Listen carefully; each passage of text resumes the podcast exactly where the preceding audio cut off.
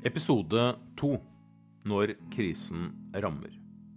Hvordan vi møter en krise, oppleves ulikt fra person til person. Når vi først forstår hva vi står overfor, kan det noen ganger være for sent å handle. Hvorfor er tema som beslutningspsykologi, psykologisk trygghet og resiliens avgjørende? Og hvordan kan vi møte kriser som pågår over lengre tid? Hvordan lykkes når krisen er langvarig, er tema for denne podkasten. For oss som står i en situasjon, så stilles det store krav.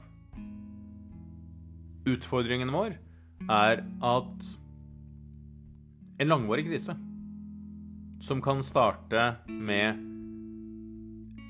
en ubåt med en atomreaktor som går på grunn på norsk jord, vil kunne medføre en storulykke og store utfordringer i mange år.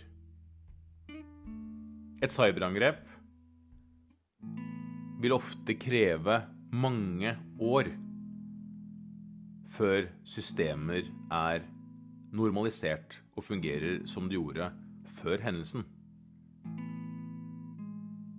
Værfenomen som vi kanskje ikke kunne se for oss,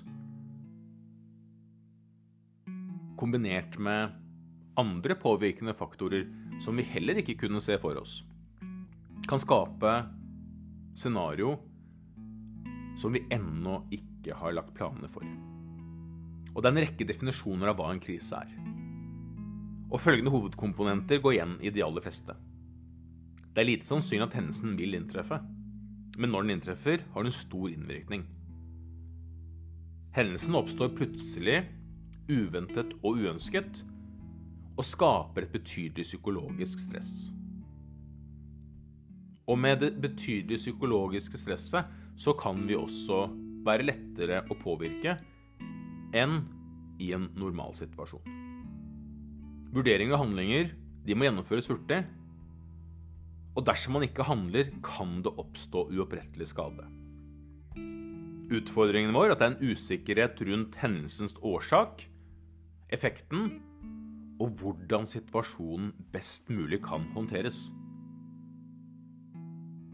Og som vi har sett under pandemien, så kan det være krevende å ha innsikt i hvilke påvirkende faktorer og sektorer kan øke krisens varighet. I Norge har vi fire hovedprinsipp for beredskapsplanlegging og krisehåndtering. Ansvarsprinsippet forteller oss at den som har ansvar i en normalsituasjon, også har ansvar i en krise. Likhetsprinsippet forteller oss at organisasjonen man opererer med til daglig, skal være mest mulig lik den man opererer med i en unntakstilstand. Nærhetsprinsippet lærer oss viktigheten av at det er de som står nærmest mulig situasjonen, som tar de beste avgjørelsene. Og nærhetsprinsippets betydning har også blitt vektlagt i større og større grad opp gjennom årene. De organisasjonene vi ser i dag som håndterer kriser og krevende situasjoner best mulig, kaller vi høypålitelige organisasjoner. Og de er ikke overraskende nok de virksomhetene som har fokus på hvor er det hendelsen oppstår, og hvem skal løse de. Og kriser og krevende situasjoner løses av det enkelte individ, grupper, team og ledere. Så det har fokus på at den som forstår, og den som ser situasjonen, også må ha mulighet til å handle, er avgjørende. Samvirkeprinsippet, som har fått større og større betydning etter hvert, viser viktigheten av at den enkelte virksomhet har et selvstendig ansvar for å samarbeide både i hverdag, krise og krig med relevante aktører og virksomheter. Utfordringen vår er når situasjonen pågår over lang tid. Og en situasjon som ikke kan normaliseres hurtig, hvor vi ikke ser for oss situasjonen, stiller helt spesielle krav. I denne episoden skal vi ta fram noen helt konkrete elementer vi kan benytte for å fatte best mulige beslutninger.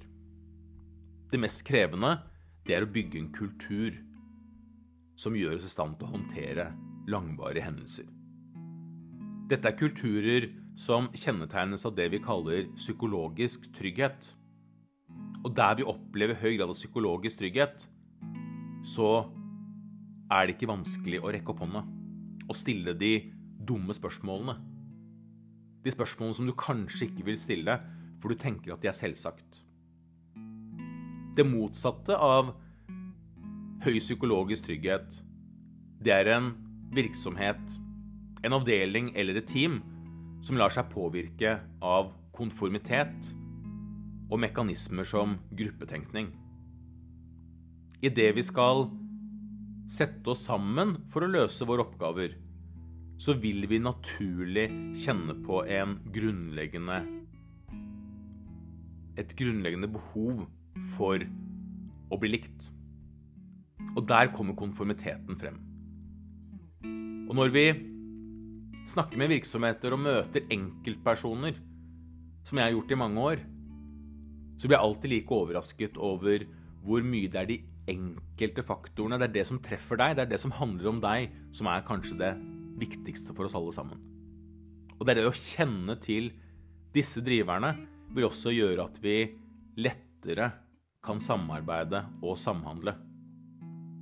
Gruppetenkning ligger til grunn for katastrofale feilvurderinger, som invasjonen av Grisebukta, oppskyting av Challenger eller Watergate-skandalen.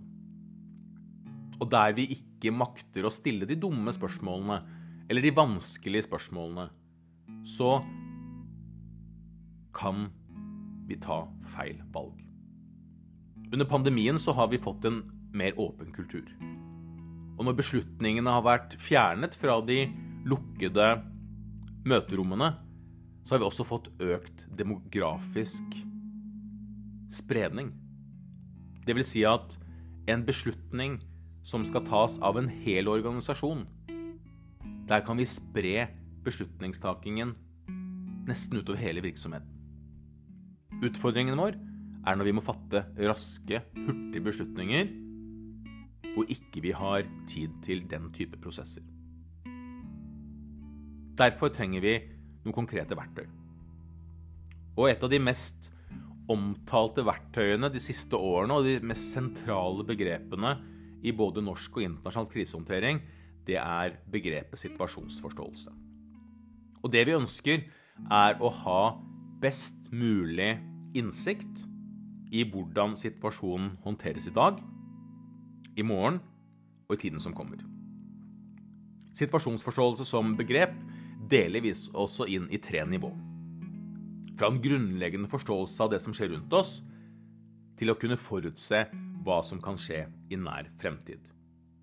Jo høyere grad av situasjonsforståelse, jo bedre grunnlag har vi til å fatte en god avgjørelse.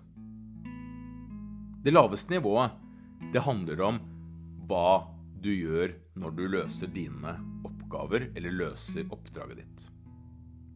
Og situasjonsforståelse som begrep, det var det NASA som brakte på banen og de brakte på banen etter at det var en rekke ulykker innenfor sivil luftfart.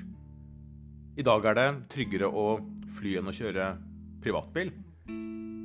Men det skyldes en langvarig arbeid for sikkerhet. Og det laveste nivået av situasjonsforståelse, om du er i verdensrommet eller sitter i en flymaskin bak spakene over Manhattan, så handler det om å være til stede i situasjonen. Og når du treffer en flokk med gjess, så har du kun tre valg.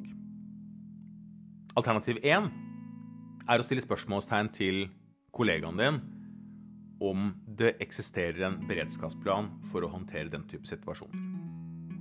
Og det eksisterer selvfølgelig, for det man opplevde her, det er det vi kaller bird strike. Altså at du flyr et fly inn i en flokk med fugler og mister motorkraft. Og der er gode planer for å håndtere denne type situasjoner. Utfordringen vår er at de gode planene er vanskelig å finne når krisen er akutt, som det var i dette tilfellet. Piloten han går hurtig på sambandet til flyveledersentralen og kaller opp Hit birds, lost trust in both engines. We might end up in the Hudson. Og hvis du husker det vi omtaler som The Miracle at Hudson, så lander han da i Hudson River og redder livet til de 150 om bord. Han går gjennom flyet to ganger før han selv går ut, og alle har blitt reddet. Denne type handlinger, som kan fremstå heltemodige, oppstår kun som følge av forberedelse og planlegging. Kapteinen om bord, han forberedte seg alltid mentalt på hva han skulle gjøre dersom det oppsto en slik situasjon over Manhattan. Han bestemte seg for at han ville nødlande i Hudson River. I tillegg så drev han et konsulentselskap hvor han trente opp virksomheter i nettopp hvordan de best mulig kan håndtere kriser. Og hvilke råd tror du han ga? Å ha en plan og ha backup-planer. For når han mistet motorkraften, så ville det være to ting som var nærliggende. A. Å fly tilbake til flyplassen der han kom fra. B. Finne en annen flyplass. Utfordringen var at motorkraften var så liten at ingen av alternativene ville fungere. Så han gikk til det handlingsmønsteret som han hadde etablert. Han etablerte, etablerte også helt på egen hånd. Da han kalte opp flyveledersentralen, så var også svaret han fikk Say again, altså kan du gjenta. Det var egentlig kun han som var forberedt. Og i dag så er vi avhengig av at hele virksomheten er forberedt på hvordan vi kan forstå og håndtere en krise. Denne piloten hadde lagt en plan for hvordan han skulle opptre. Situasjonsforståelse som begrep det handler for det første om at du er bevisst på at du sitter bak spakene. At du nå er ute på oppdrag. At du nå bemanner en flymaskin, et kjøretøy eller et annet fartøy. Du har fokus på at du er til stede i situasjonen. Det neste nivået av situasjonsforståelse det er at du har oversikt over hva som skjer rundt deg i umiddelbar nærhet. Du har sett det fjellet. Du har sett en flymaskin som er lengre bort. Altså, du har en umiddelbar situasjonsforståelse. Men det tredje nivået av situasjonsforståelse det er at du kan skape et mentalt minnebilde av hvordan du skal opptre lengre frem i tid. Og Går vi tilbake til Hudson River, så hadde man her en forståelse av hvordan man skal opptre de neste 5-10-15 minuttene. Det vi i dag trenger, er innsikt i hvordan vi skal opptre de neste 50 dagene. Noen ganger de neste 500 dagene. Og da er vi helt avhengig av at alle i virksomheten har en felles situasjonsforståelse og kan håndtere de med høy grad av psykologisk trygghet. Så situasjonsforståelse som begrep 1. Sansing hva skjer? 2.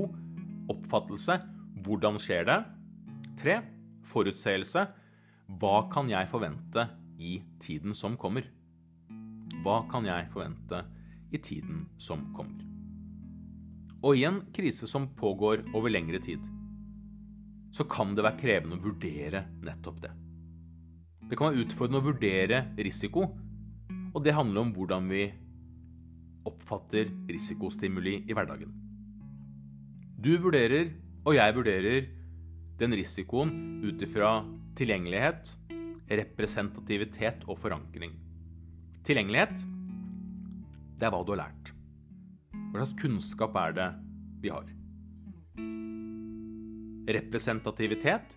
Hvilke situasjoner har du vært i tidligere? Og forankring. Hvordan er situasjonen akkurat nå? Og denne forankringen, altså overgangen til å være i en krise, det er en grunnleggende psykologisk faktor som skaper utfordringer der vi enten har undervurdert eller overvurdert risikoen innledningsvis. På samme måte som det kan være krevende å nedjustere denne risikoen, som i utgangspunktet oppfatter som høy, så kan det være vanskelig å oppjustere en risiko du opplever som lav. For det er en mennesketilnærming til usikkerhet at vi kan oppleve en kunstig opplevelse av kontroll. Denne opplevelsen som vi på godt norsk kaller optimismefeilen, det er en generell tendens i vår natur til å tro at det helst vil gå bra. Og kriser som pågår over lang tid, er vanskelige å møte. Her kan vi også benytte et annet verktøy. Og det er et grunnleggende verktøy for situasjonsvurdering. Det er det tre spørsmål vi skal stille oss. 1. Hva er situasjonen? 2. hvordan er risikoen? Er den lav, moderat eller høy? Og 3. hvor mye tid er det til å handle? Hvor mye tid er det til å handle? Og til å hjelpe oss med dette, så har vi tre måter, alternative strategier, til å forstå situasjonen. Det ene er gjenkjennelse. Det andre er prosedyrer. Det er analyse eller en kreativ tilnærming. Og der risikoen er lav, så kan vi benytte en kreativ tilnærming. Vi kan sette oss ned og løfte fram ulike alternativer. Er vi ukjent med problemet og må finne en løsning på hvordan vi skal handle, så kan vi benytte en analytisk tilnærming. Da går vi gjennom ulike alternative løsninger og velger den vi mener passer best. Er risikoen moderat, og vi har noe tid til å vurdere, så kan vi se nærmere på prosedyrer, beredskapsplaner og instrukser, som enten har memorert gjennom mental forberedelse, eller som vi har tilgjengelig i situasjonen. Utfordringen vår er der risikoen er høy. Da kan vi være avhengig av den informasjonen vi har lagret oss. Og da er vi avhengig også av det vi kaller gjenkjennelsestilnærming. Det går langt utover prosedyrer som vi har pugget eller vi har med oss, men det er da våre ferdig programmerte handlinger alternativer. Og så er utfordringen her at der vi er i en ukjent situasjon, som du ikke tidligere har opplevd, så kan det være krevende å finne den gjenkjennelsen. Da er vi avhengig av å bruke tid på å finne en løsning sammen. Og det er gjerne her vi er avhengig av flere perspektiv og høy grad av psykologisk trygghet. Som leder blir du nå viktig. Og du blir ikke bare viktig, du blir avgjørende. For som leder så er det din rolle og din oppgave nå, når vi har utfordring med å finne rutiner og instrukser som dekker situasjonen, så er vi avhengig av at du kan løse denne. Og som leder så utøver vi et operativt lederskap, et strategisk lederskap eller et taktisk lederskap. Som en operativ leder ute i en situasjon så er det viktig å stanse opp og få overblikk. Prioritere situasjonsvurderingen, forsøk å forstå risikoen. Etablere nødvendig kontakt på stedet, delegere oppgaver og gi tydelige ordre både verbalt og nonverbalt. Har krisen nå pågått allerede over noe tid, så ser vi at nonverbal kommunikasjon blir enda mer sentralt. Og det er særlig tilfellet der evnen nå til å oppfatte din kommunikasjon er redusert, eller der motivasjonen til å oppfatte din kommunikasjon er redusert. Som leder nå ute i en operativ situasjon, så må vi aktivt redusere egen stresspåvirkning, og vi må tvinge oss selv til å tenke fremover. I dette så jobber vi hele tiden for å opprettholde en situasjonsforståelse. En måte nå å øke vår handlekraft, det er å samle en strategisk kriseledelsesgruppe. Og her er det viktig at vi gjennomgår de beslutningene som gruppen skal ta. Og være oppmerksom på risikofaktorer som gruppetenkning. Og bare det at vi eksempelvis deler møter med andre i virksomheten gjennom nye digitale måter å jobbe på, kan være med på å redusere gruppetenkning i stor grad. Det er videre viktig at vi presenterer grunnleggende møteregler og holder statusmøter hvor vi, oppdaterer hverandre på våre individuelle oppgaver. Vi må finne milepæler og identifisere det vi kaller vendepunkt, eller point of no return. I langvarig krise så er det at vi sammen skaper en felles ramme og kommuniserer både til media, allmennheten og ulike stakeholders av stor betydning. Og det å vurdere risiko, vurdere situasjonsforståelse og definere på forhånd hvordan vi jobber, både på individ-, gruppe-, leder- og organisasjonsnivå, er avgjørende når krisen pågår over lengre tid. Episode 1 handlet om forberedelse med fokus på individuell mental beredskap. Vi har nå sett på ulike tilnærminger til å håndtere krisen som vi står i, før vi i neste episode skal se nærmere på hvordan vi møter og normaliserer etter krisen. Og mange vil si at det er noe av det aller viktigste.